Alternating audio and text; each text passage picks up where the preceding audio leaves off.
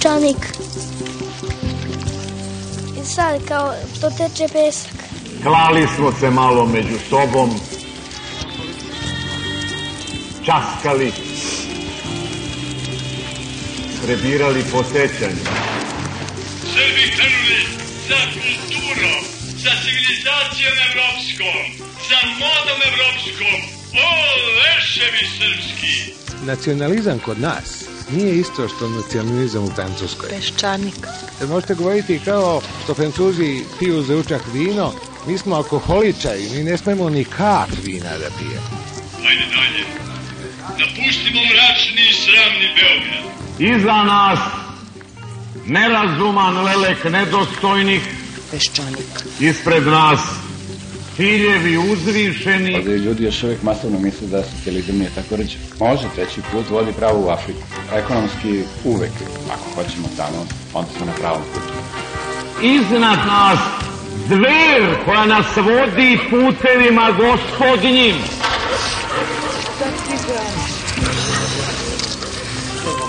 I da ne zatvorim oči, Peščanik. ja mogu da zamislim Srbiju kao najdinamičniju zemlju na Balkanu i jednu košnicu sa malo trutova i puno radilica. Ako ne uspemo, niko nam neće biti kriv. I dugo smo, dugo još putovali. Dakle, mi smo izgubili 5. oktobar, da tako kažem. Nepredviđen. Na televiziji vidim da se i rezultat drugog svjetskog rata promenio. Ugleda smo u bistroj vodi naša lica Prema tome, ja očekujem da će Srbija krenuti u nešto novo tek kad pobedi Turke na Kosovo. i iznenada briznu smo u plaću. Peščanik.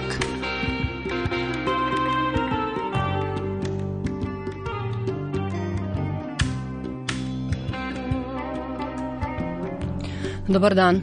Izgleda da će sve biti u redu. Podelili su ministarska mesta. Još se ne znaju srećni dobitnici istih, ali to i nije tako važno. Oni imaju tako dobar i precizan program da bi ja mogla da budem gospođa ministarka i to bilo čega. To je tako jednostavno, samo čitaš program i slediš put. Zato i nije važno ako recimo šef bije bude Rade Bulatović, recimo načelnik generalštaba general Tomić, ministar pravde Gradimir Nalić, ne znam šta bi mogla da bude Ljena Nedeljković, pošto je generalštab već zauzet, ali evo recimo gospođa Nedeljković je zaslužila najmanje mesto šefa Transparency Internationala za Srbiju. A Vojvođene baš briga, oni za Srbiju ne mare, samo misle na švargle i kobasice, a da im makar kobasice predsednu potrudio se episkop Bački Irinej. On je zapretio, verovatno ste čuli, organizatorima kobasičijade da će ih na godinu dana izopštiti iz crkve ako svoju bezbožnu kobasičijadu budu održali u prvoj nedelji posta, to je krajem februara. U narednih godinu dana, poručuje vladika, sveštenik neće uložiti u vaš dom, a sa zvonika crkve će se svakih 15 minuta oglašavati mrtvačko zvono. Vladika Irina je pozvao sve pravoslavne vernike da ustanu u odbranu svetinje posta, vere i tradicije časnih predaka. U problematičnom Novom Sadu održan ipak jedan fini skup, mislim da je to baš skup pokreta Svetozar Miletić, na koje je govorio i jedan od idola ovog pokreta, akademik Vasilij Krestić. A blizak ovom pokretu je akademik Dragan Nedeljković, koji je u poslednjem broju časopisa Geopolitika kazao da mu je od stranaka najbliža demokratska stranka Srbije zbog svog rodoljublja, ali mu se nikako ne sviđa Koštuničin koncept regionalizacije Srbije, a pogotovo ideja da Vojvodina dobije autonomiju. Akademiku Nedeljković se mnogo sviđaju i radikali, ali su po njegovom mišljenju suviše veliki idealisti. Dobro je, kaže on, da radikali budu jaki kako bi vršili pritisak na antirodoljubive snage i plaćenike. To su naravno nevladine organizacije, kaže, to jest plaćene zle sile.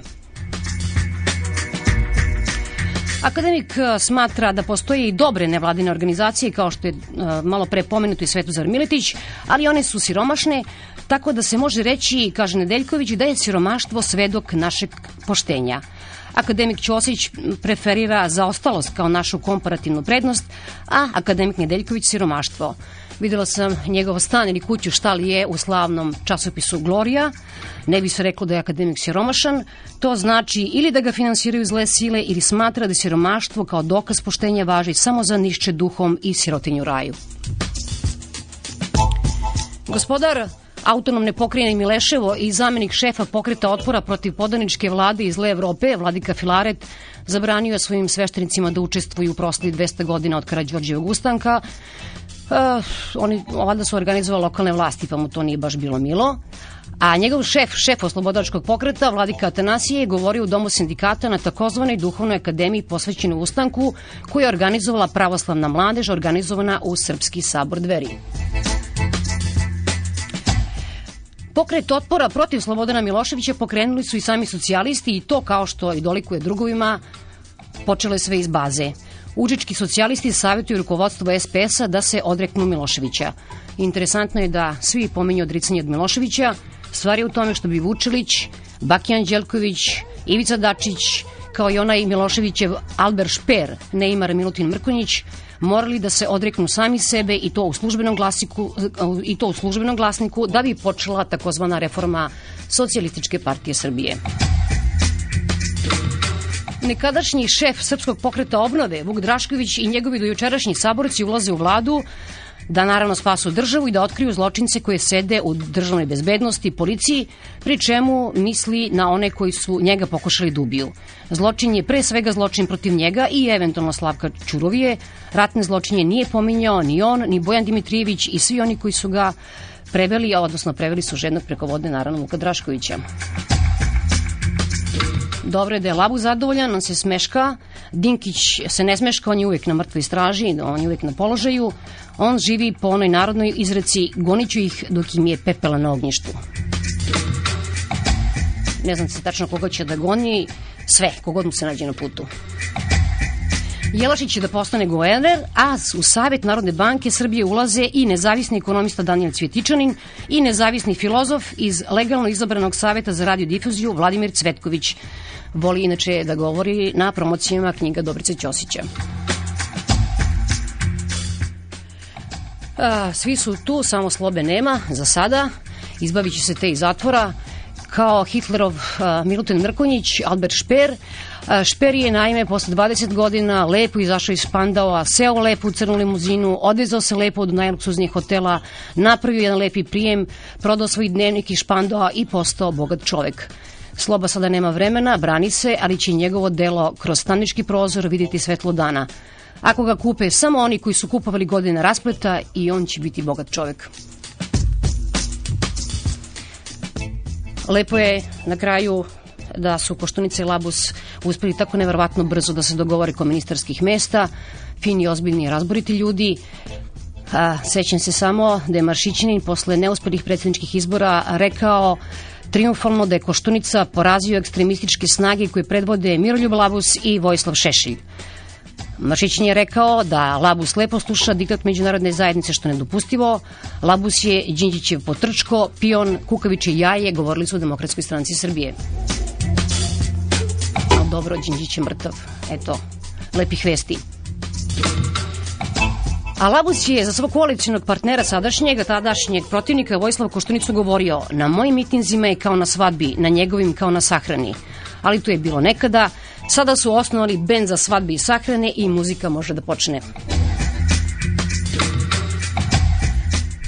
A, sad će još malo neko da priča. To će biti gospodin Desimir Tošić, potpredsednik Demokratskog centra, Uh, inače, čućete i neke zanimljive snimke uh, iz ovog skupa Srpski sabor dveri. Čuli ste ih u kaži prstu, međutim, uh, valjalo bi čuti najzanimljivije delove istoričara Radoša Ljušića, naravno poslanika Demokratske stranke Srbije i naših časnih vladika. Prvo, naravno, gospodin Desimir Tošić. Ovo je jedna restauracija. To nije restauracija Miloševiću režima, ali se pitam da li nije opasnija I ova vlada koja dođe na sramotu G17 će verovatno čutati koliko neće pomagati. A to je jedna jaka, orkestrirana, reakcionarna, anahrona, antisrpska, antievropska, anticivilizacijska struja koja je otvoreno prvo angažovat crkvu, naša crkva, to je izvesni njihov arhirej, mi ne znamo šta se vladike misle, ali oni koji govore, oni su zaista ovako akumulator naše reakcije, što bi rekli komunisti, znate. Ja mislim da Srpska pravoslavna crkva nikada za poslije 200 godina, pošto je to sada neka granica, znate, za 200 nije bila tako reakcionarna, vojstvo njeno, kao što je danas. Proslava prvog ustanka pokazuje ili dovodi u sumnju da li smo mi uopšte jedna nacija. Ja sam prisustao proslavi Francuske revolucije, znate, koja je bila spektakularna, svetska, što i Francuska revolucija jeste svetska. Svetosavlje nije svetsko, znate. To je dosta provincijsko, balkansko. Francuzi su pokazali da su nacija. Oni su to proslavili, tako da vi ni jednog sekunda, ni u jednim novinama, ni na jednoj televizijskoj predstavi niste mogli da primetite da tu ima ljudi koji nisu za revoluciju, nisu bili njihovi preci i oni nisu. Naša proslava prvog ustanka je pokazala potpuno dva kraka. Vlada je htjela da bude jedna moderna, modernistička, vi naravno možete da kritikujete taj plan, imam ja svoje primetbe. I jedna anahrona u kojoj bi se video samo kralj, crkva, prvo crkva, i očevidno bila prisutna u prvom ustanku, a o njoj govoriti kao o nekom izuzetnom faktoru da bi se tukli popovi, ne bi se tuku Karadžorđe. Ljudi su bili pravoslavci, kao što smo mi pravoslavci, znate. Ali to ne znači da ako rešavamo pitanje ekonomije sa monetarnom fondom, pozovemo mitropolita Crnogorskog primjerskog, ja mislim da bi on bio mnogo bolji da uđe u vladu kao ministar za unutrašnje poslove. Postale su vladike tako agresivne, a već ovo što je govorio vladika Atanasije, znate, to je sramotno da svaki Srbin pravoslavac treba da se osramoti, jer takvu katoličkog biskupa sa takvom agresivnošću i sa takvim jezikom nema i neće biti. Ovo je užasavajuće kako taj patrijarh koji, da vam kažem odmah, izigrava nekog apostola i sveca, sve to gleda, odobrava, ja sam pomalo toga reagovao, ja mislim da je slika patrijarha Pavla, ja sam prvi koji to kažem, dosta lažno u našem javnom mnjenju i to treba neko da kaže. Politički ljudi dama su pritisnuti populizmom, pritisnuti ovom reakcijom, oni izbjegavaju.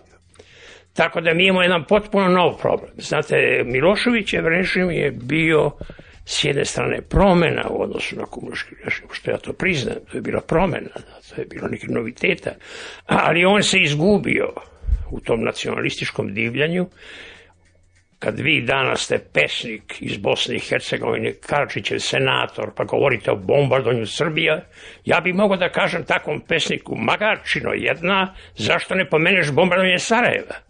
Jer Beograd i Srbija su bombardovani 77 dana, a Sarajevo je bombardovano 1070 dana.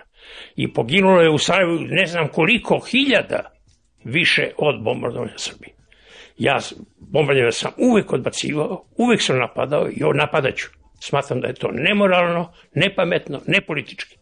Ali slušajte, niko nema prava da napada to bombardovanje, ko ne napada bombardovanje Sarajeva. Mi smo potpuno našu pamet doveli u jedno stanje perverzije. Sa odlaskom Miloševića na 5. oktobra vi ste imali jasnu sliku. Bile su velike nepravilnosti, velike greške, veliki prestupi. To su svi svesni, tako. Ali je bio očevidno trend modernistički, reformatorski i neki korak napred. Sada imate nešto mnogo opasnije, pošto vi nemate još vladu, vi možete samo da pretpostavite kako će se ta vlada držati. Vi imate potpuno autohtone snage. To je vojstvo Srpske pravoslavne crkve, to su vrlo široki krugovi intelektualaca. A imate pojav ljotićevizma, videli ste onaj seminar u Novom Sadu, ljudi ispituju vrednost filozofije Dimitrija Ljotića, glavnog saradnika nacizma, znate. I onda ovo što se dogodilo u govorancijama, recimo, sarajevskog senatora pesnika, znate, koji je govorio, u stvari pripremamo se za rat protiv ovaj, zapada, što mi smo ove ratove prethodne bili sve dobili, treba da dobijemo još jedan. A onda vidim da i vladike, znate, one se vraćaju na Kosovo. Oni su zaboravili da je jedan mnogo moćni čovjek, kao što je bio Vojislav Šešelj, ako se ne varam, on je javno saopštio da ako bude bombardovanje više Albanaca neće biti. On nema Srba na Kosovu, Albanaca ima. Tako da je ovo jedna situacija potpuno nova po meni i mnogo opasnija nego što je bio Milošević. Šta možemo da očekujemo od predsednika vlade Vojislava Koštunici? Ja cenim predsednika te stranke kao čovjeka ozbiljnog sa jednom lepom diplomom, pravičkom i saznanjem. I sigurno da nije podložna korupcija takvih političara. Malo ima u Srbiji, to morate priznati. Međutim, ja sam to uvek smatrao kao jednu politiku koja nema nikakvog islamska To je politika koja je oprobana, znate, to je tradicionalna, tradicionalistička srpska politika, koja je imala svoga smisla dok je postojala srpska država. Kad je nastala Jugoslovenska država, ona je gubila svoj smisao. Znate. A posle komunizma, ja mislim da još manje ima smisla, to je Milošević. Znate. To vam je, znate, Pašić, Draža Mihajlović, Srpski kulturni klub i DSS, znate, to je to. Ali to su putevi, znate, koji su tradicionalistički, koji gledaju kao neka naša osveta. Što ja mislim i da glasanje, znate, recimo za ovu najveću stranku sveta radikala, u stvari je bilo glasanje, ja mislim, prvenstveno protiv Haga. Nije važno da ćemo mi glasanje poboljšati naš ugled ili standard, nego mi se svetimo naše pravoslavlje, ovakvih naših vladika, je uvelo kao svetoljubivost kao prvu metodu pravoslavno svetosavstva. I to je ono što je najstrašnije. Religije treba da mire čak i oni koji su nepomirljivi. A mi ovde imamo crkvu, odnosno njihove izvesne velikodostojnike, kao glavne provokatore sukoba u društvu i njihova, njihov glas za monarhiju. To je provokacija da se izove sukob u jednom narodu koji je inače dosta razoren naše društvo je, je se prosto zaproložilo, znate, ne može da se krene napred, znate, ponavlja svoje trici kućine, znate. Sad ćemo vidjeti da će ova vlada napraviti hiljadu jednu aferu. Po ovome kako prolaze sa kori udovički, ne bih ja rekao da su oni mnogo sposobni. Kao što sam odgovorio jednom od crnogorskih novinara zašto mitropolija obilježava 200 godina, ona ništa drugo ne radi osnivajući odbor za Crnu Goru za obilježavanje 200 godišnjice Karadžorđa Augustanka, ništa drugo ne radi nego nastavlja da piše posvetu prahu ocu Srbije. Pa ako je Petar II. Petrović Njegoš radio pogrešno, onda neka i mi budemo zajedno sa njim, a zajedno sa nama neka bude i savremena Crna Gora. Zato je veoma značajno da obilježavajući 200 godišću Karadžorđa Gustanka da uvijek imamo u vidu i činjenicu te organske povezanosti između Svetog Petra i Karadžorđa koja je sudbinska povezanost i koja po mnogo, mnogo šta ima da kaže i savremenim pokoljenjima, ovom pokoljenju našem, po mnogo čemu raslabljenom i u Srbiji i u Crnoj Gori. Državna proslava 200-godišnjice potpuno promašuje smisao jubileja. Ne radi se o 200 godina državnosti, već 200 godina ustanka i obnove državnosti. Srpska država prilično je starija od 200 godina i pravi dan državnosti je za 12 dana, na dan kada se proslavlja Sveti Simeon Mirotočiv. Drugo i izuzetno bitno za ovo vreme i ovaj prostor jeste da Karadžorđa ne bi bilo bez Kosovskog zaveta. I ustanka nema i nikada ga ne može i nije bilo i neće biti bez zavetne svesti o oslobođenju Kosova i Metohije. Ko ne čuje Njegoša, slušat će Solana.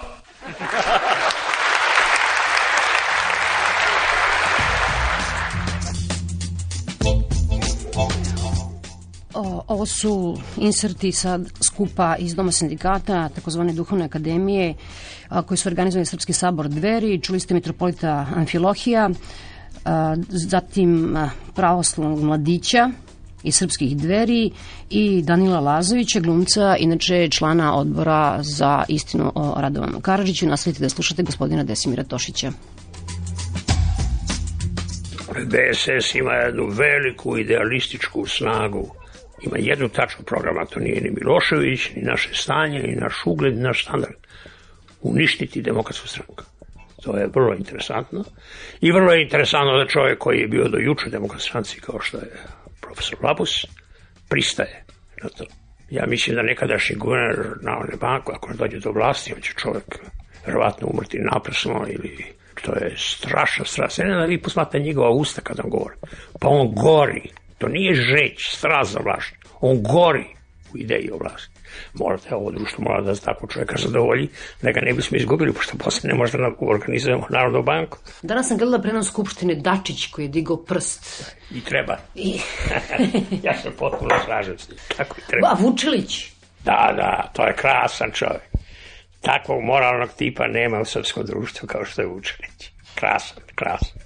Ogroman broj školovanih ljudi su veliki pokvarenjaci, znate. I ovde možete tako reći kupiti svakog čoveka za novac. Ta bezidejnost, praznina, tako i ovo skakanje između partija, znate, to je dokaz da tu nema nikakve ideje. Vi nećete da vas primi vaša stranka da budete poslanik kandidate. Vi pređete drugu stranku. Ona vas primi. Jeste vi ste čitali telefonske razgovore, ja mislim da sam vama pominjao između Miloševića, moga prijatelja nekadašnjeg Đoga, Kažića, onda ne znam, Stanišića. Sve mislite da ste Jovan Ristić i Nikola Pašić razgovarali telefonom i psuju mater jedan. Da li vi vidite, primičujete ovo sada, ni na strani opozicije, ni na strani a, ovi koji spremaju vladu, znate. Nijednog sekunda niko ne pominje fenomen radikala. Radikali su najveća stranka. I po uzusu parlamentarnom, neko mi kaže da u Ustavu tako ne piše, ali po uzusu koji postoji svuda u svetu, prva stranka koja je trebala da dobije mandat, to je radikal. A ne da se naput pojavi jedan čovjek iz jedne stranke koja je druga po redu. Onda mu se da mandat, on ne može da formira vladu, on vrati mandat. A se daje drugoj stranci. Pa ona pokuša. Pa onda ako je to taj druga stranka, šef Nesposobnjaković, kao što ja mislim, onda se da trećoj stranci. Mandat se može dati najmanjoj stranci. Ja mislim da je u ovoj situaciji najozbiljniji kandidat Velja Ilić čovjek sposoban da drži tri ministarstva sa ekonomije. Ja mislim da u Svetskoj banci, u monetarnom fondu samo čekaju da Ilić sredi našu ekonomiju i da ga pozovu da on sredi svetsku ekonomiju. Tako, mi smo jedan cirkus. Vidite, i ljudi koji izgledaju dosta naivno i, da kažem, neinteresantno, znate, politički intelektualno, gore u strašnim ambicijama. Pa ste, to nisu samo šefovi partija, kako se kod nas misli. Je ogroman broj ljudi, znate, koji prelazi iz partije u partiju. Pošto posmatra političke stranke kao kafiće, gde se pije bolja srpska kava, kod kasine ili kod Balkana. Znate, vi pređete, znate. Vlast kao obsesija, nedostatak ideja. I onda verovanje kad komunizam nije uspeo da proizvede jednu versku bazu i političke ideologije, to znači više nema. Mi smo u stvari verovali u komunizam, znate, dublje ili priče, kako god hoćete. I pošto je to nestalo, onda tu u stvari više nema ništa, znate. Prema tome mi možda budemo sve, i levo, i desno, i centar, i to što je G17, to je ovako žalosno gledati, znate, to je za mene jedan strašan pad. Ono što ima interesantna promjena, ja bih rekao na bolje, to je s jedne strane ove dve kampanje, ili tri ako hoćete, predsjednički izbori parlamenta, bili su na višem nivou nego ranije. I ja dolazim do jednog ciničnog zaključka, da je u stvari ne Sveti Sava, nego je Šešelj bio naš kulturolog, on je nas vodio prema višem standardu civilizacije, kako se vode diskusije. Ako bude bombardanje Kosova, neće biti više nijednog Albanca. Zamislite tako čovjek dobije milion i sto hiljada glasa. Pa kaže, ako ja dođem do vlasti, a bio na vlasti, prvo što ću raditi iseliti Broza iz Beograda. Čovjek na vlasti, Broza ostao ovde, on dobije milion i sto hiljada glasa. On je čovjek koji kada ćemo imati sigurno granicu na Karlobagu. I ljudi glasaju milion i sto hiljada. Kažu da je on konsekventan.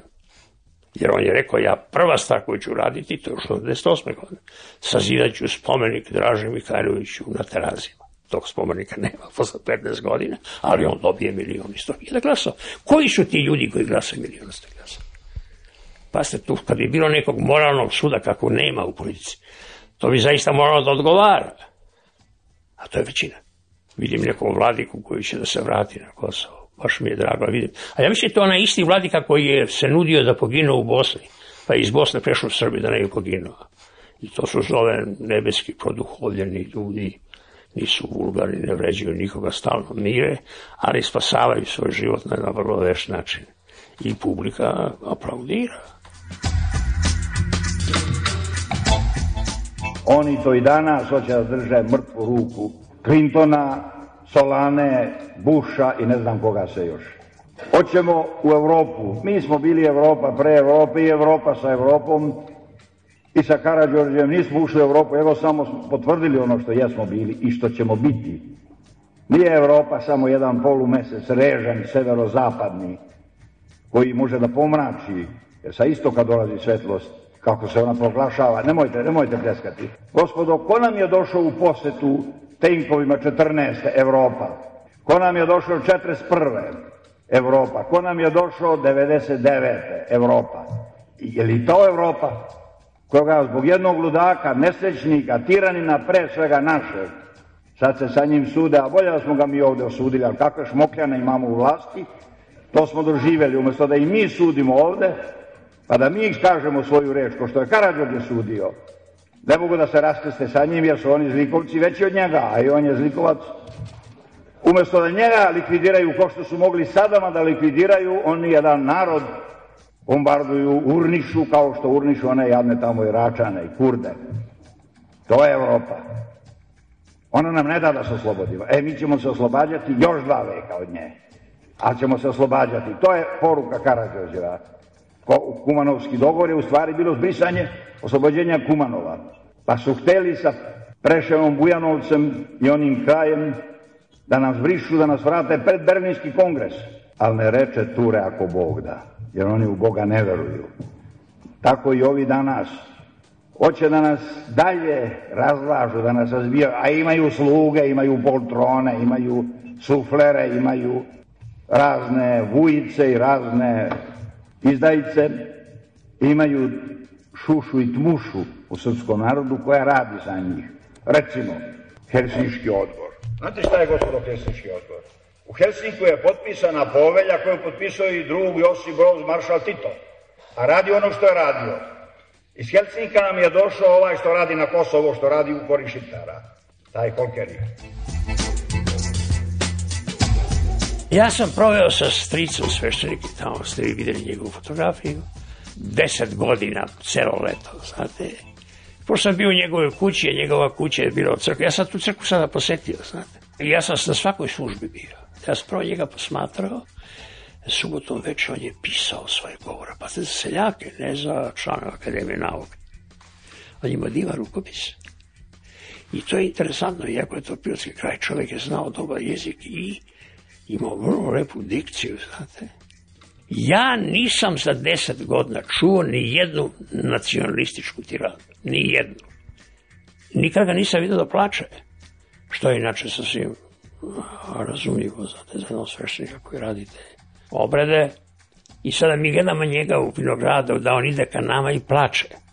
Pa pravo sam i sveštenik na staroj plani, Bogu iza leđa. Sigurno nije čitao novine svakoga dana. Nije imao ni neku veliku biblioteku. Plače, mi se zbunimo, znate. I on nam priđe i kaže nam da je Francuska u plaču, nam kaže, Francuska je kapitulirala. Mi se razbesimo, da ne kažem samo ja. Šta je Francuska uradila? Nije se tukla, znate, ne borci, defetisti. A on nama u plaču kaže, nemojte tako, Francuska će vas krsnuti.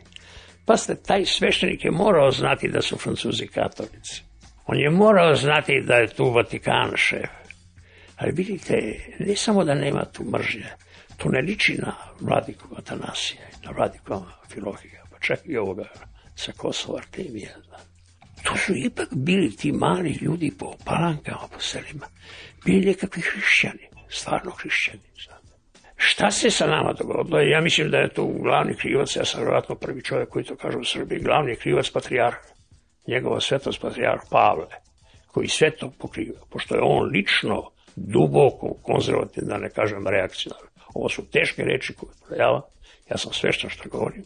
Žao mi što je tako, pošto ja sam pravoslavni Srbin i vezan sam za tu crkvu, ne samo ja, nego i cela moja porodica, čak i onaj deo koji nije srpskog porekla, ali ovo što je crkva sebi dozvolila, naravno sada u manifestacijama prvog sastanka, to će biti jedna velika sramota, ne samo za njih koji su to radili, nego i za celo naše srpsko društvo. Vi niste izgubili snagu i živce s ovom zemljom? Pa ima dobra crna vina. Nekako mora da pobedimo zlo, tako je tako dozvoljeno reći. Jeste, ja moram da vam kažem, sad sam malo prepomenuo da gledao, gledao sam ta, nova, ne celu tu emisiju američkog filma iz drugog svetskog rata, znate. I vratio sam se ratu. I bilo mi je toliko teško, znate, posmatrajući to ubijanje, te logore. Moj logor je bila banja u uređenju sa Auschwitzom i Dachau. Ali sam se vratio i ta uznemirenost koju sam dobio, znate. I mislim da smo mi u toku prošlih ratova, znate, mislim na drugi svjetski rat koji sam ja preživao, da smo mi ipak bili neka vrsta nacije, pored sukobu građanskog rata, znate. To stalno ponavljam. U moje vreme, ja ne kažem da sve vreme, na sajmištu je bilo više takozvanih četnika od takozvanih partizana. Pošto je isto jedna lažna predstava naša. Cele naše, naši kompleksi su tako sumnjive prirode, znate, ne možete ni da ih analizirate. Pa ste vi ovo, šta to znači biti četnik i partizani tog rata? To ko nije video, on to ništa ne razume. Tamo u Homolju, gde su glasi matane u većini, bio je jedan četnički komandant koji je bio lep, ne mnogo bistar, ali sposoban. I svi su, razumete, vlasi koji su rođeni za jatake. Svi su bili četnici. I kad sam ja došao u zemljski logor iz Beogradskog zatvora, kad su me doveli, bilo je hiljadu vlaha četnika. U isto vreme bilo je 500 ljudi iz Bosanske krajine, sve partizani. Ma kakav partizan? Pobego, zbeg, do sukoba između takozvanih četnika i takozvanih partizana po zarobljeničkim logoru, gde su oficiri, znate, došlo je tek pred kraj kad se videlo šta se desilo, šta će se dogoditi. I onda su naravno oportunisti generali brzo metuli zvezde. To ne znate. To je božanstvo. Bilo je generala koji su nosili zvezde u. Jer ljudi ne razume, najmanje ove vladnike, šta je to nebeski srpski narod, svetosavski, znate. Ali hoću opet se vraćam natrag na rat. Na rat sam nekako podneo lakše nego što podnosim ovo sada, znate. Zašto nam je sad teže? Pa slušajte, vi, vi ste onda bili ograničeni, vi niste mogli da vodite neku aktivnost van ono, vi ste niste mogli u logoru da pobijete zastavu slobode ili šta ja znam. Sad imate sve mogućnosti, međutim vi imate svet koji uopšte ne reaguje.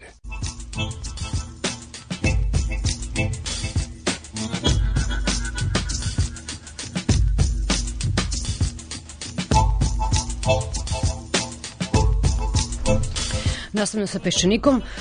Ujedno se izvinjavam onima koji su vi slušali, dakle gore sa skupa koji je povodom 200 godina prva srpskog ustanka organizovan u Domu sindikata, organizovan je od strane Srpskog sabora Dveri. To je relativno nova organizacija pravoslavne srpske omladine koja je izgleda nekim vladikama postala bliža nego obraz koji je zabrljao onda kada je i pored upozorenja patrijarha sprečio evangelističku službu Božiju koja je trebala da se održi u sabornoj crkvi. A evo kako gospođa Radmila Radić, istoričarka, ocenjuje ovaj skup u Domu sindikata na kome su pored mitropolita Amfilohija, episkopa Atanasija i istoričara Radoša Ljušića govorio je i pukovnik Vojske Jugoslavije Rad Rajić.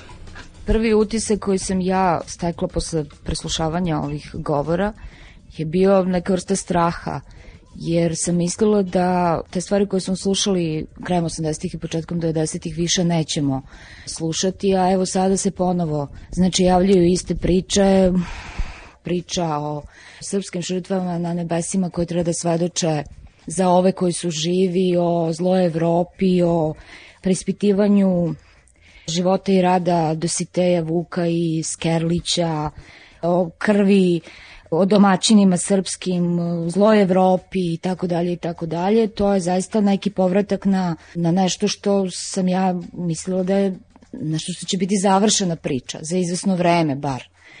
Druga asocijacija u stvari koja me vraća u to, u to vreme je da se ponovo lansira ta priča u Jedinjenoj Srbiji, Crnoj Gori i Bosni i Hercegovini i ta sprega u stvari koja se sad formira između svaštenstva i vojske kao ključnim polugama režima koja nas opet vraća u neku vrstu priče iz 19. veka gde su sveštenstvo i vojska jeli bile ključne poluge kraljevine Srbije. Ta priča može da naravno izazove različite komentare, ali čini mi se da nije ni malo bezazlena. Kada se pojedinačno analiziraju govori svakoga od njih, onda mi se čini da svako od njih šalje opet neku svoju pojedinačnu poruku.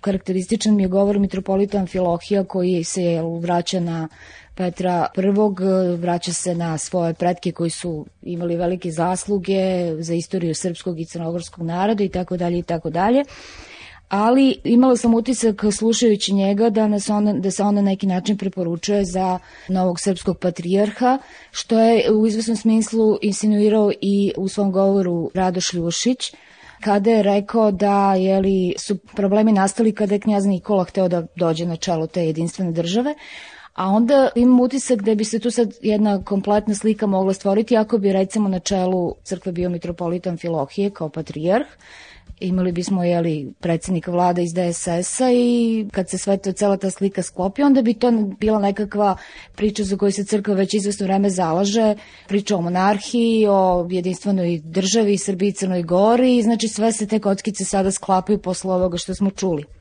Što se tiče episkopa Atanasija, ovo što je pričao, imali smo prilike već e, više puta da čujemo, ali meni se čini da on sve više pokušava da liči na episkopa Nikolaja Velimirovića i da u velikoj meri koristi njegove tekstove i u svojim govorima i zastupa te neke ideje koje sve vremena zastupao Nikolaj Velimirović. Međutim, ono što je za mene najveće iznenađenje, e, to je govor ovog e, oficira Vojske Srbije i Crne Gore, jer ja odavno nisam čula takvu vrstu nekritičkog poimanja istorije, posebno istorije vojske i istorije srpske vojske, istorije kasnije jugoslovenske vojske u 20. veku. To je nešto što zaista predstavlja svojevrstan presedan. Jer ovakva idealizacija vojnog faktora mislim da ne postoji u literaturi, u istoriografiji uopšte.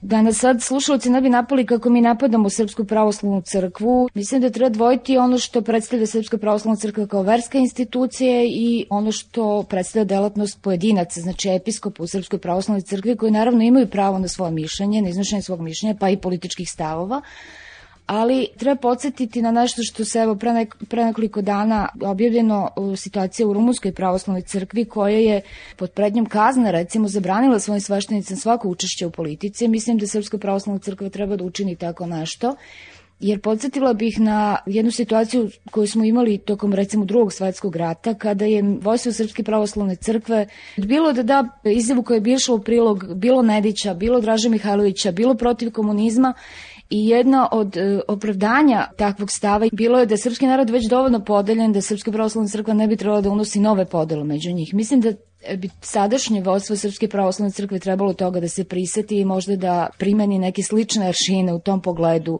Episkopa danas mora da razmišlja u stvari da li, je, da li svojim ponašanjem treba da unosi nove namire i nove podele ili na neki način treba da mire stanovništvo i da pokuša da upravo onu priču o tome da je crkva iznad naroda i da je iznad partija da primeni zaista u praksi, a ne da nekakvim svojim istupanjima dodatno deli ne samo vernike, nego i one koji to nisu.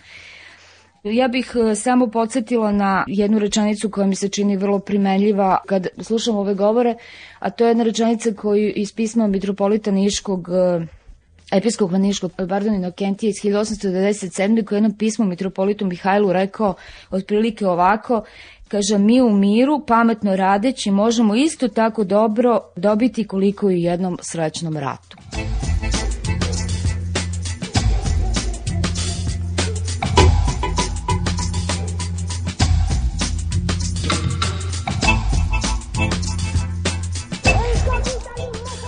Bila je ovo istoričarka Radmila Radić, je sada još jedna istoričarka, gospođa Latinka Perović. Slušate deo njenog predavanja o političkom zločinu koji je nedavno održan u Domu omladine u Beogradu. Samo formiranje Haškog tribunala je bilo primljeno kao politički čin i kao nastavak one politike koja je ratove objašnjavala zaverom Vatikana, Kominterne, Hrvata, Slovenaca, Albanaca i tako dalje. I već tu je bio pokušaj da se na neki način Međunarodni sud e, dezavuiše.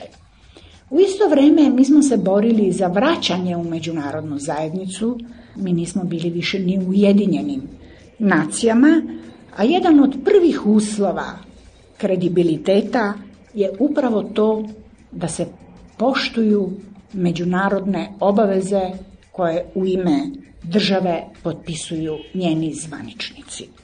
Ja vrlo često navodim da je to nepoštovanje međunarodnih ugovora nešto što se provlači kroz našu istoriju i što na neki način pokazuje da je i naše shvatanje države nekako vrlo fakultativno.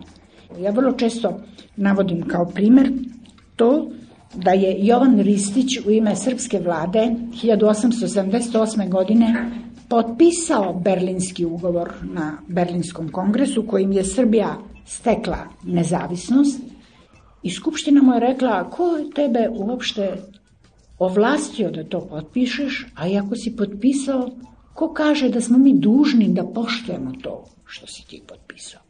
Nažalost, od tada je prošlo više od 150 godina, mi smo to ponašanje na neki način zadržali i to je ono što nas e, neprestano diskvalifikuje.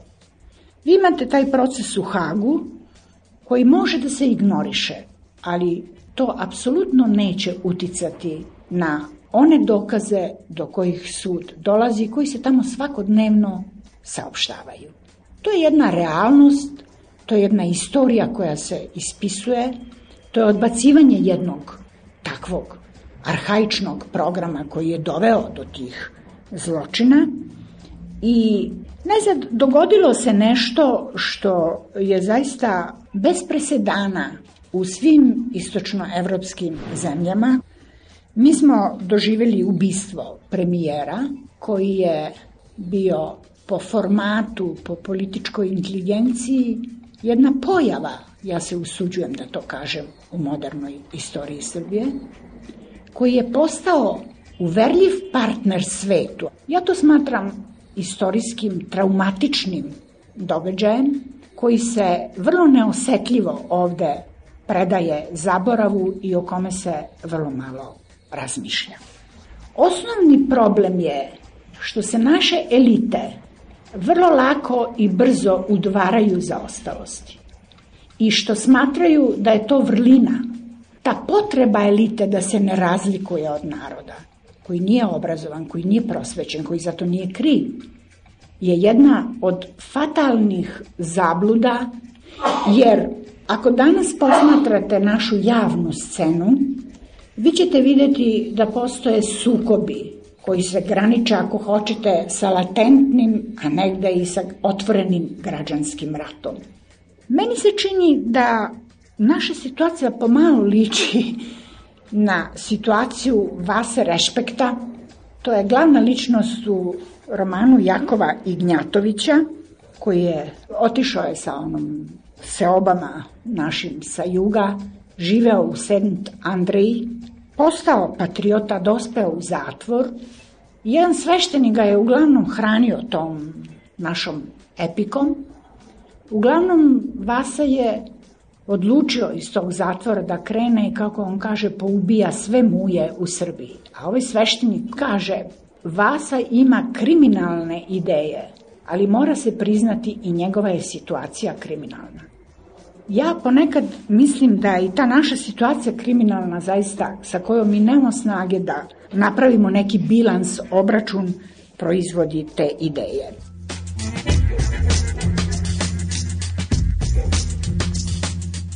Veoma je zanimljivo da su politički lideri naših stranaka s malim izuzecima postigli konsenzus oko toga da je Hag suviše zahtevan i da on ne razume našu situaciju kojoj je potreban izvestan predah da bi mogla da se demokratizuje.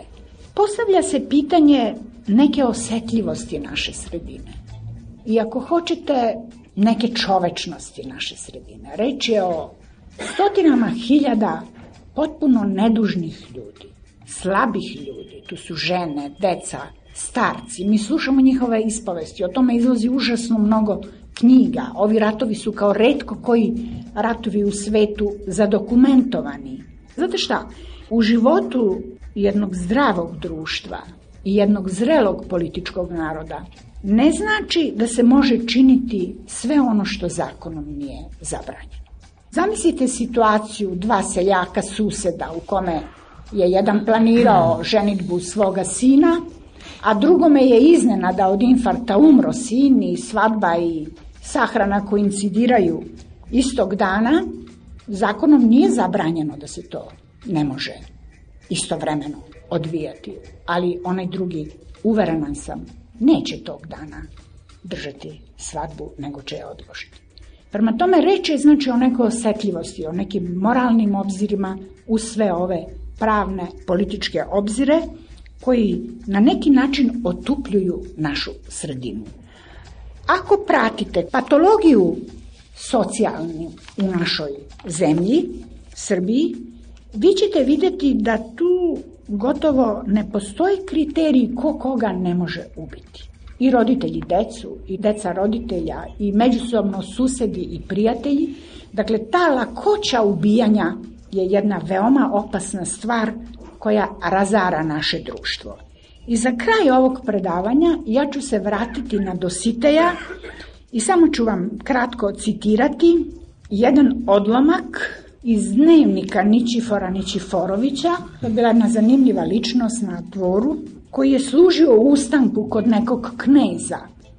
I kad je knez trebalo da mu plati za tu uslugu, on je rešio da ga ubije i na taj način izbegne obavezu da to plati. On je izbegao u Beograd, ali tu su ga sad opet uhvatili i optužili da je on hteo da pohara toga kneza i organizovano je bilo suđenje kome je i Dositej prisustvovao i Dosita je uspeo da ga spasi vešanja, ali Ničifur kaže šta je njima Dositej tada rekao. Eto, kaže Dositej, knez Stojan iz Užajca ubi svog pisara za sofrom. I tu njegova nevina krv pokrvila je i sofru, i selo, i svu njegovu decu, i čeljad, pa ga niko i ne traži. Kada je knez Stojan ubio svog pisara za sofrom, pa mu nema ni suda, ni puta, i ja ću ubiti moga, neće ni meni biti suda. I tako, jedan at drugog pobiti, sve pisare, pa ćete posle zemlju sa rabošem držati, kaže Dositej. A nikakva zemlja sa rabošem niti se drži, niti se držati mogla.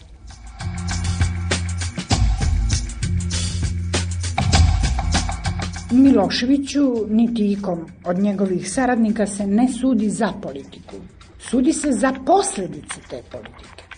Mislim da Miloševiću niko ne bi sudio za ekonomsko propadanje Srbije, za uništenu kulturu, Za to Miloševiću Međunarodni sud, budite sigurni, ne bi sudio. To je naš problem.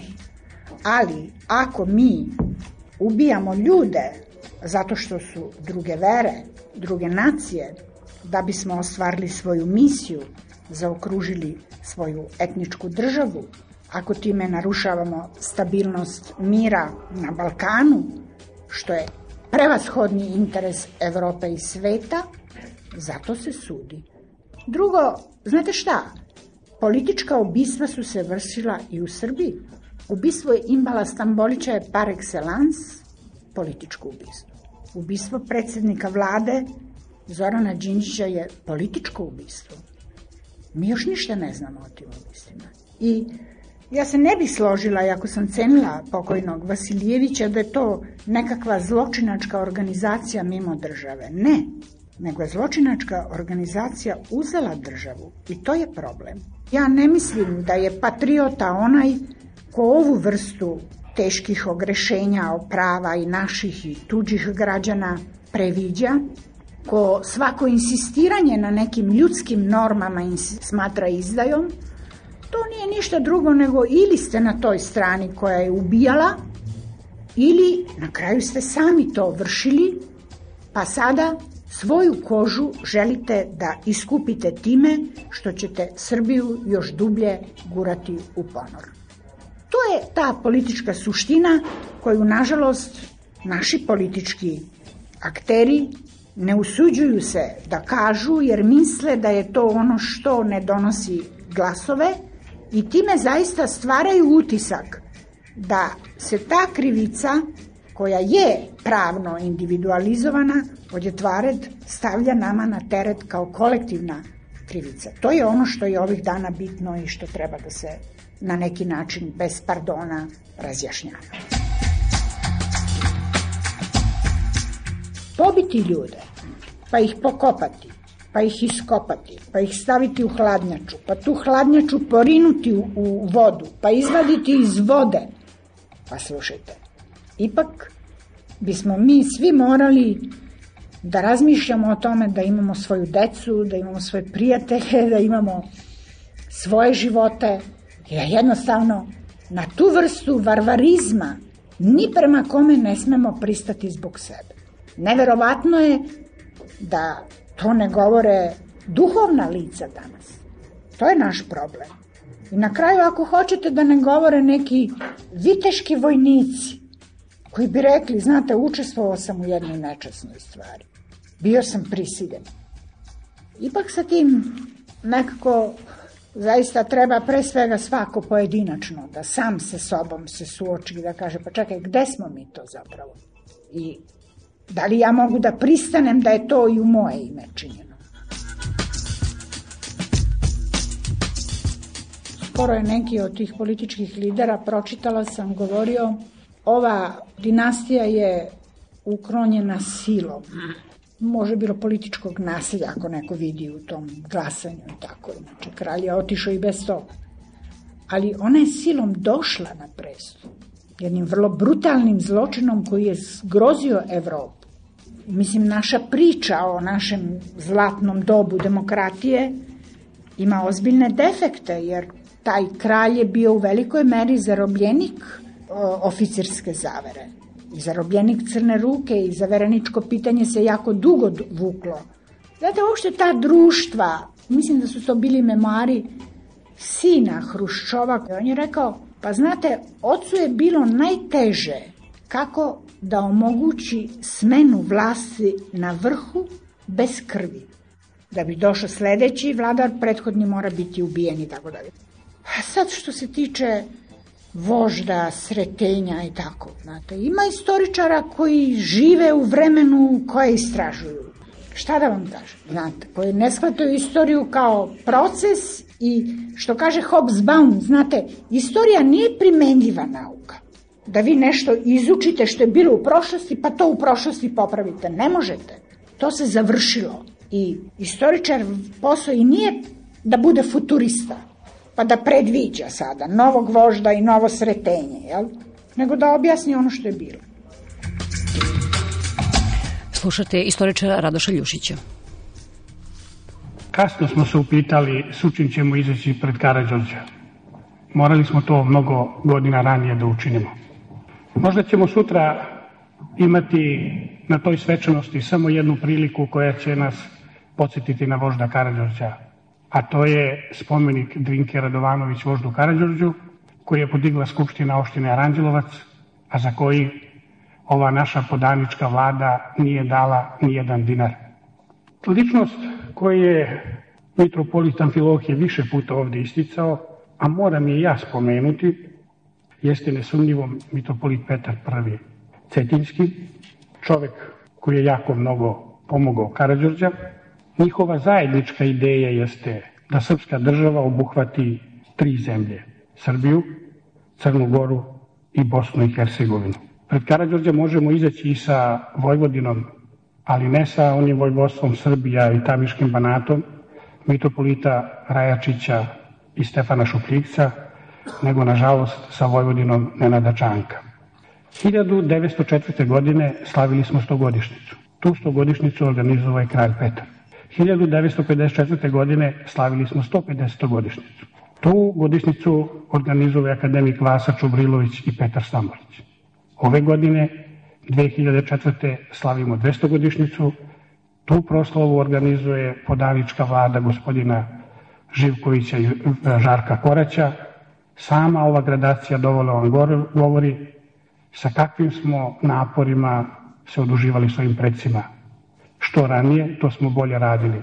Što se približavamo ovoj godini, radili smo gore i zato se možda nalazimo ovde gde se nalazimo, ali može biti da je srtenje gospodnje 2004. godine datum, kada bi svako od nas, nezavisno od državnih organa vlasti, rekao sebi, ovaj narod je suviše nisko pao, vreme je da stane, vreme da počne njegov preporod. Peščanik. Govore i dramski pisac Biljana Srbljanović koja se izvinjava što je umerena, mi nešto nismo primetile. Ja mislim da, ne, da, da Vuk nema prvu licencu da oprašta bilo kome, da se to ne radi samo o Vučku, Vesku, Gagi i onom, ne znam, izvinjavam se kako se zove još onaj četvrti, Zvonko, na primjer, nije uopšte priča samo u tome. Niti je to, mislim, sukob dva usamljena kauboja od kojih je jedan u zatvoru, a drugi će sada se na ondulira pa da bude ministar inostranih poslova, nego, mislim, to je ono, sunovrat društva.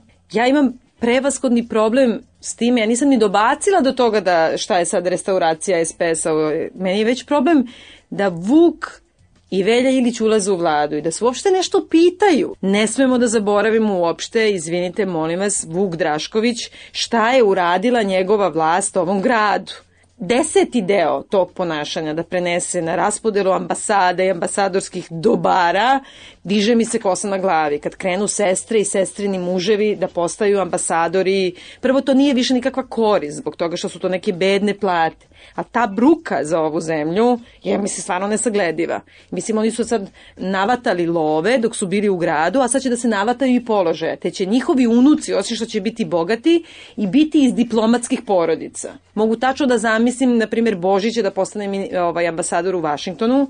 Ja ne mislim da je ambasadorsko mesto nešto posebno, ali mislim da je posebno za Božića, kako da kažem. Ili, mislim, mogu zamislim, na primjer, Spasoje Krunića kao ambasadora u Parizu. I mislim da bi mene, na primjer, kao što me je bilo sramota onda kad su bili oni neki što su pržili šnicle u kulturnom centru u Parizu, u vreme ono. Tako da, mislim, sad svi ti ljudi koji su nas brukali onoliko, mislim da ovi mogu još mnogo više da nas obrkaju po tom svetu. Pošto ne mogu sad zamisliti, na primjer, Velja Irić da četiri ministarstva drži pod sobom ako se naša privreda i četiri ministarstva, to za kapitalne investicije, pretvore u princip čačanskog rukovođena privredom, gospodarstvom, ja, mene je to mnogo veća panika nego, na primjer, što ću Dačića morati da gledam, da diže ručicu za bilo šta.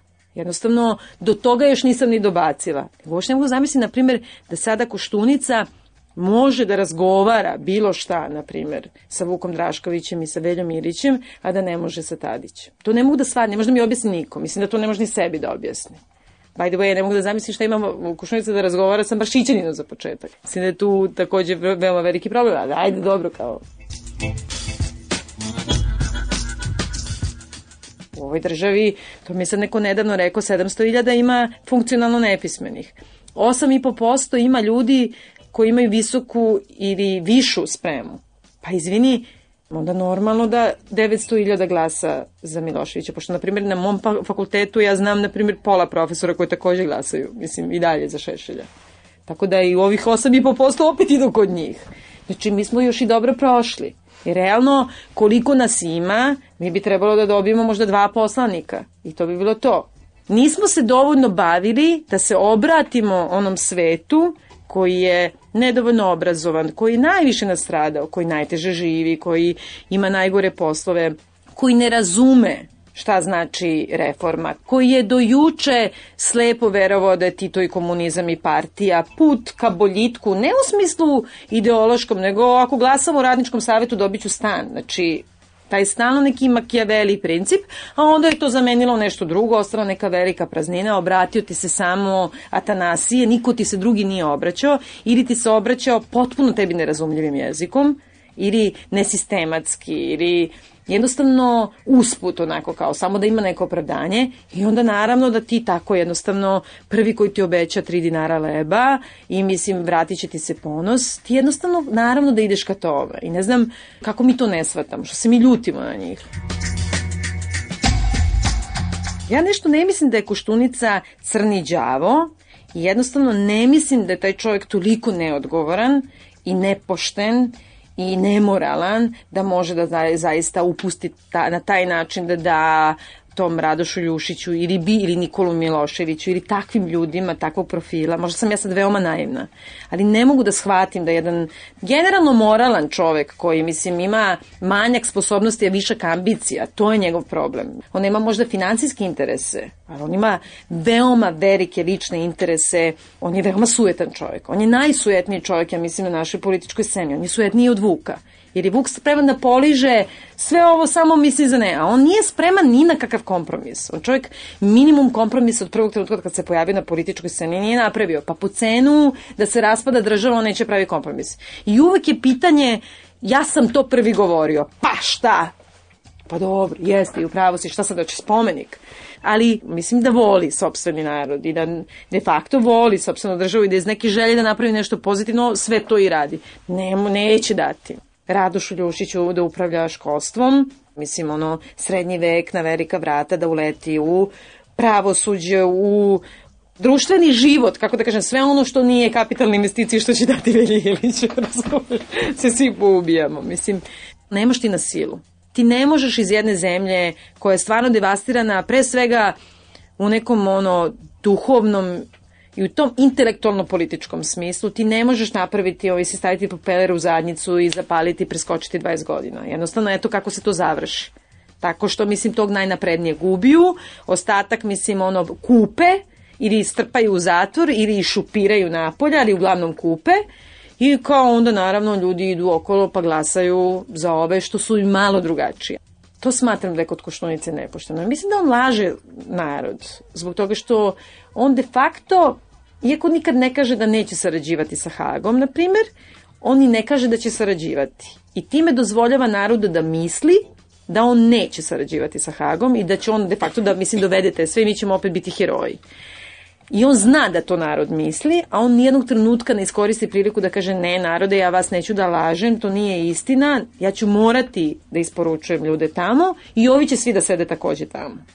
I mi moramo da ga pustimo da on ima svoju funkciju i da ljudi ovde vide da ih je on malo slagao. Možda nije, možda ja grešim, možda će on stvarno mislim da natera Ujedinjene nacije da promeni, da donesu novu rezoluciju, da baš zbog njega, što, zato što ga mnogo vole i što je on najpošteniji ovde, mi ne moramo više da sarađujemo sa Hagom. Ali ja čisto sumnjam i mislim da će njegov opstanak na svetskoj političkoj sceni za, za, zavisiti od toga da on, mislim, prvi put kad is, bude isporučio nekog tamo, mislim, nekako taj koji glasao za njega zbog toga što će nama vratiti naš nacionalni ponos, će se malo osjećati na samarenim, ili tako? Prema tome, treba pružiti šansu da to ljudi vide.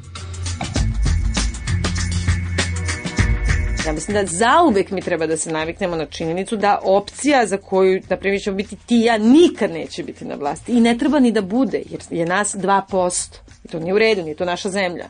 Znači, zemlja je od ovih 900.000, njih je više. Mi treba da se bavimo time da tih 900.000 malo moderiramo. Jer elite treba da se bave time. A elite, mislim, glupo što to govorim, ali u zemlji da ima 900.000 nepismenih, onda je elita onaj breko zna se potpiše, je tako?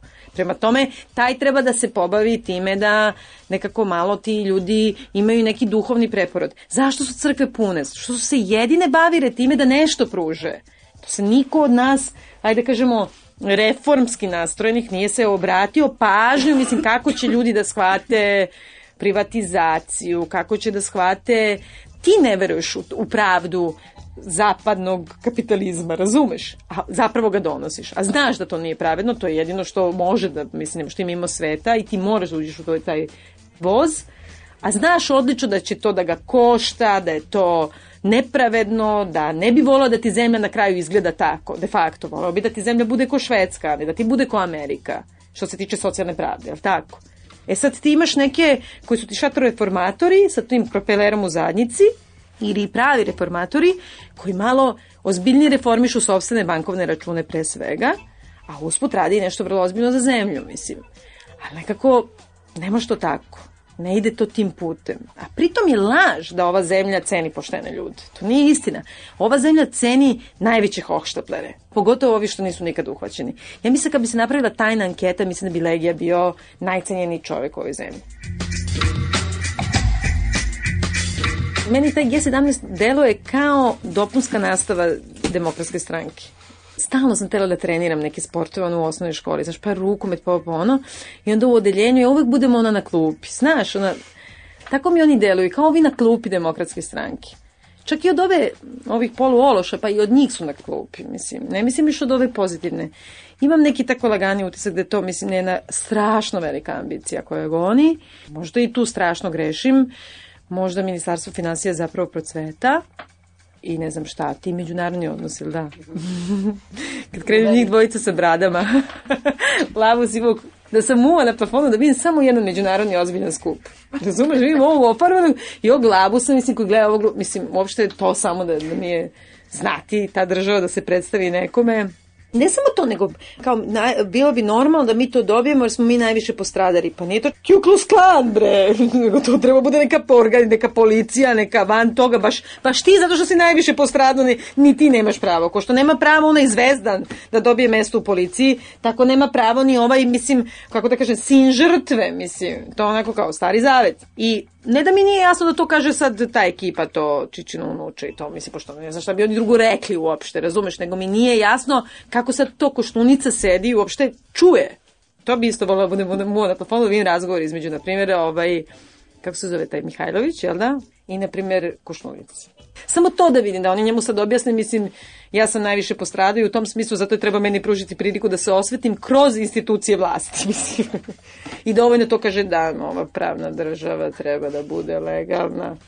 Razumeš? I da mi na osnovu te rečenice objasni da on može više da razgovara sa njim nego sa Borisom Tadićem. Samo to nek mi objasni. Ako mi se to objasni, evo ja idem prva, sledeći put ću da gleda lepim plakate. Koštunica će radije da razgovara sa Veljom Irićem zbog toga što više vole četnike nego partizane, bez obzira zato što je ovaj zlikovac i divljak, I uopšte, mislim, je budala i ne znam šta bi razgovarao sa budalom, nego s nekim drugim, mislim, koji, na primjer, možda bude sin, ono, partizanskog generala. I s druge strane, mislim, lične sujete, to je jedino što postoji. Dinkić ima da skine glavu ovoj, neće ona da da ostavku, nego ću ja da je skine zbog toga što su oni mene skinuli. Jednostavno ima da se osjeti moćniji. Ja razumem Dinkića, pošto mi je potpuno jasna njegova vrlo jednostavna motivacija. Njega kad bi stavio u dramu, rekao bi, ovo ne može, bre, mnogo je negativan. Moraš malo da ga napraviš ono ljudskim bićem, mislim. Ali ne razumem njenu motivaciju uopšte. Mislim, ja da sam njeno mesto bi rekla, ljudi bre, ću ja se ciganim bre ovde s vama, evo bre ostavka. Ko što ne razumem Nedu Arnerić uopšte, apsolutno je kriva. Ćutanje je saučesništvo. To mi uopšte nije jasno. Tako i ova Kori Udovički. Pre, zašto učestvuje u tome? Pre ona neka ozbiljna žena, radi neke ozbiljne stvari. Šta to njoj treba uopšte? Da goni neki sujetni kreten. Zbog čega? A de facto je jesu izabrali na jedan nelegalan način. I ona ne treba da bude deo toga. Država je na sabatikalu, ja bih rekla cela vlada je na plaćenom odsustvu. Ugovaraju buduće poslove, mislim, koriste godišnje odmore i tako dalje.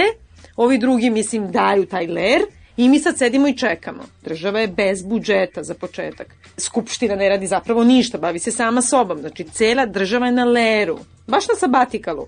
I nekako mislim da je to sa svih strana nedopustivo i da bi morao neko odmah da odustane. Ja da sam na mesto ovo Borisa i to, ja bi podržala tu vladu jednostavno bi došla i rekla da ajmo da se brukate bre sa ovim Dačićem i ovim Izlikovcima Vučevićem, evo glasat ćemo za vas, izvolite. Pokloni se i poče. Za 100 dana ću da vidim šta ste uradili, pa ću da razmislim da ću da glasam, mislim, u parlamentu, da te dalje podržavam ili ne. Mislim da je to jedino što mogu da urade u ovom trenutku i što je odgovorno prema ovoj naciji. Pravo da radikali ne dobiju priliku. Mada sam u jednom trenutku mislila da treba i radikalima dati. Majke mi, jel hoćeš?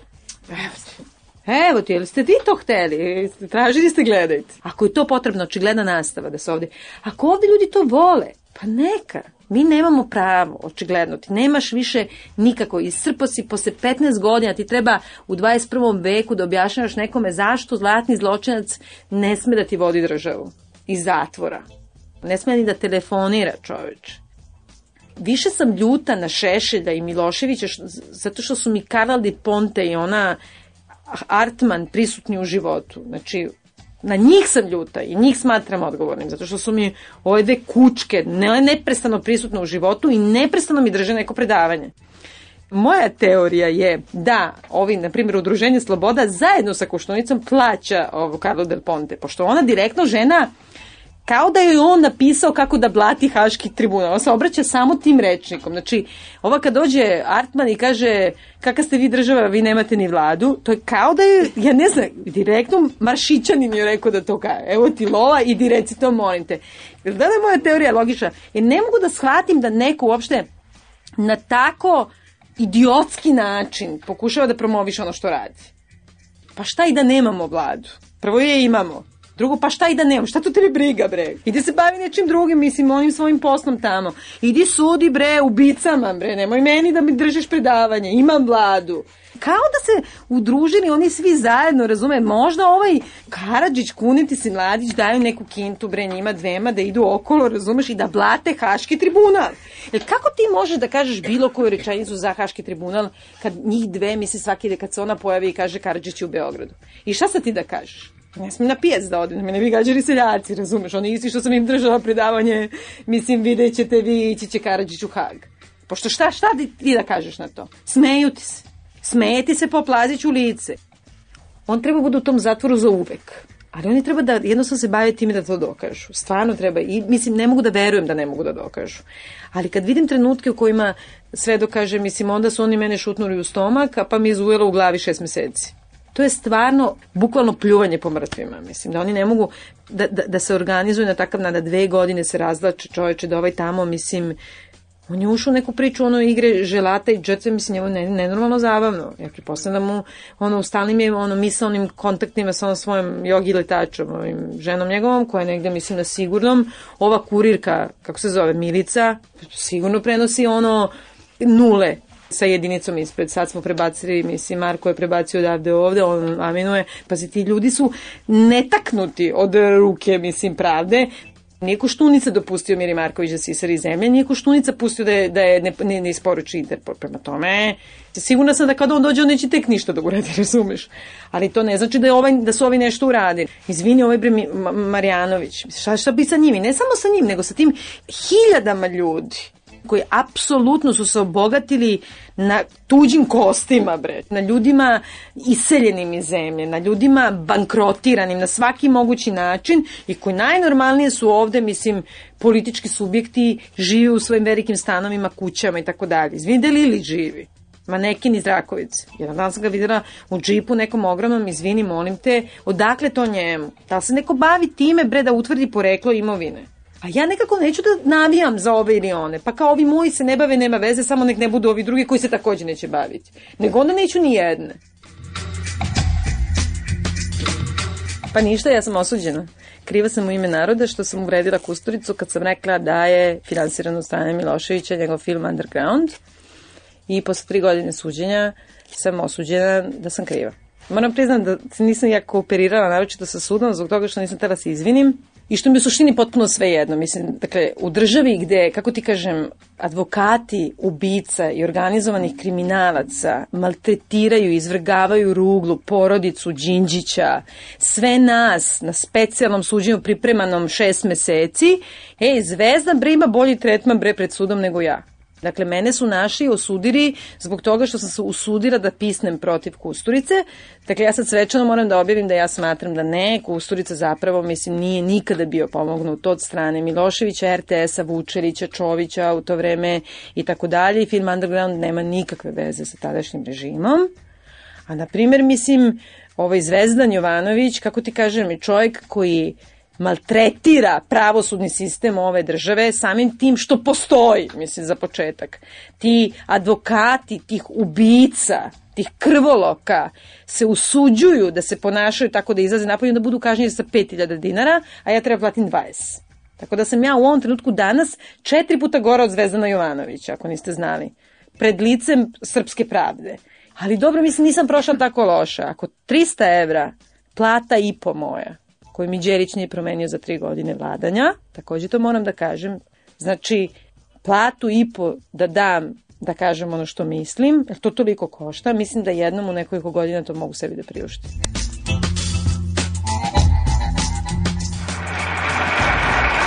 Ja bih molio da ne aplaudirate, vreme je skoro na isteku, molio bih da ne aplaudirate. Zato što je vreme na isteku, treba da vidimo i decu našu iz Čačka.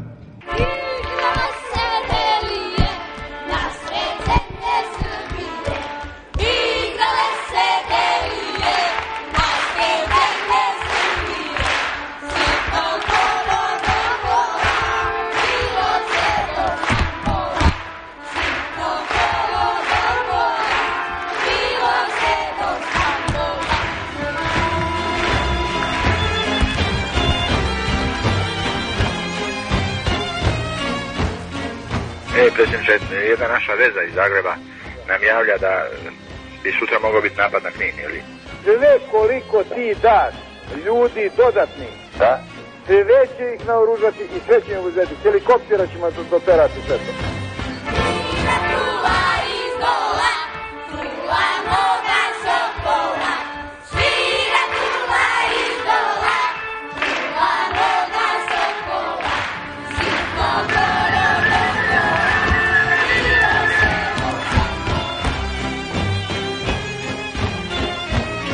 Večera ćemo na savjetu izdati proglas i nek idu oni u pičku materu lijepu. Samo još jedno pitanje. Mi ovdje imamo nešto arkanovaca. Da.